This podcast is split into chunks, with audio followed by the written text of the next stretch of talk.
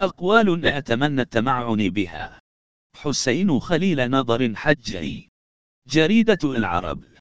عشر مارس 2013 أرجو أن تنال إعجابكم هذه الأقوال التي أتمنى منكم التمعن بها. احذر ثلاث دمعات. واحد شرطة دمعة المظلوم.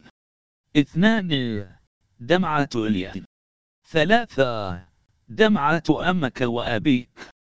إذا نزلت إحدى هذه الدمعات فتحت لنفسك جهنم. لا تجرح من هو أكبر منك سنا ولا تقاطعه أنت سوف تكون في مكانه يوما. إذا رأيت من تحب فابتسم سيشعر بحبك. وإذا رأيت عدوك ابتسم سيشعر بقوتك. وإذا رأيت من تركك ابتسم سيشعر بالندم. وإذا رأيت من لا تعرفه ابتسم وستأخذ أجرك النقطة قليل من يفهمها. المزح بالكتابة قد يفهم خطأ بسبب عدم توافر تعابير الوجه ونبرة الصوت نقطة فكن دقيقا في اختيار كلماتك. نحن في زمن العجائب نقطة فالأمير يكتب قصائد الحزن والفقير يكتب قصائد الفرح. المتعة في الحياة أن تعيشها على طريقتك وليس على طريقة الآخرين. إنكار الجميل هو أن يكسر الأعمى عصاه بعد أن يبصر. صحيح المياه تعود إلى مجريها لكنها لا تعود صالحة للشرب. لا تحاول تدقيق في كل شيء ربما تفهم غلطة وتخسر الكثير من حولك بسبب تفكيرك.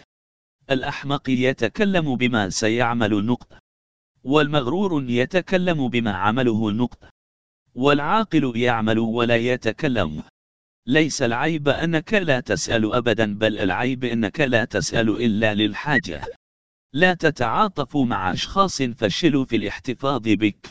فلا تصدق أن غفرانك للزلات يزيد من حجمك في أعينهم.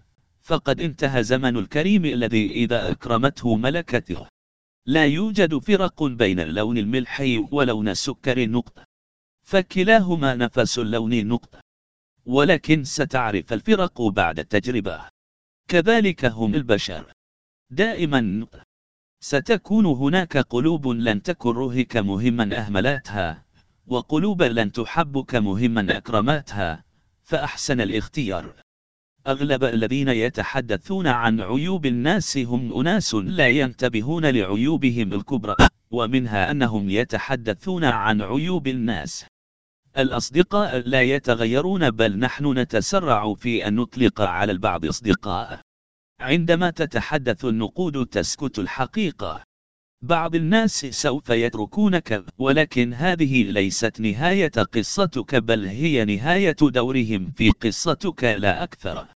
لن تستطيع تغيير شكلك لتصبح أجمل في عيون الناس ولكنك تستطيع تحكم بأخلاقك وتجميل الدبك لتكون أجمل ما رأت عيون الناس. نحن مجتمع إن أردنا العجلة قلنا خير البر عاجله نقطة. وإن أردنا المماطلة قلنا كل تأخيره فيها خيرة نقطة. المسألة مزاجية لا أكثر. نصيحة نقطة. لا تطلب الحاجة من الشخص مرتين نقطة. الأولى لك معزة والثانية تراها لك مذلة فلن تأملها. عمر الورد ما قال محتاج للماء نقطة. إما تسقيه وإلا يموت بهداوة نقطة. وعمر البشر ما تشعر بقيمة الحي نقطة. إلا إذا مات وودع حياته. فقط لأننا نخاف فقدانهم نقطة. نتجاوز أخطاءهم كالأغبياء.